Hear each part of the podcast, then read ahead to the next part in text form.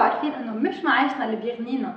إنما عاداتنا الشرائيه نحن على طول بنتذمر إنه معاشنا قليل. بس ولا مره فكرنا شو عم نعمل بهيدا المعاش.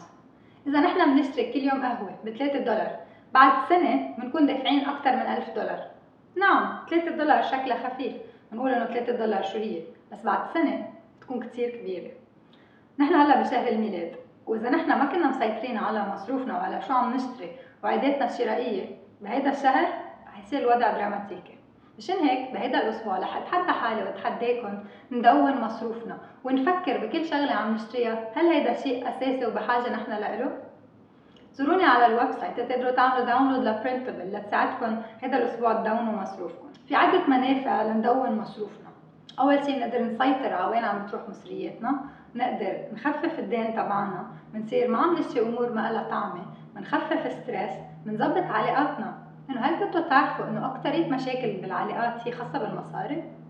هيك الهيئة. فخلينا هذا الأسبوع ندون مصروفنا.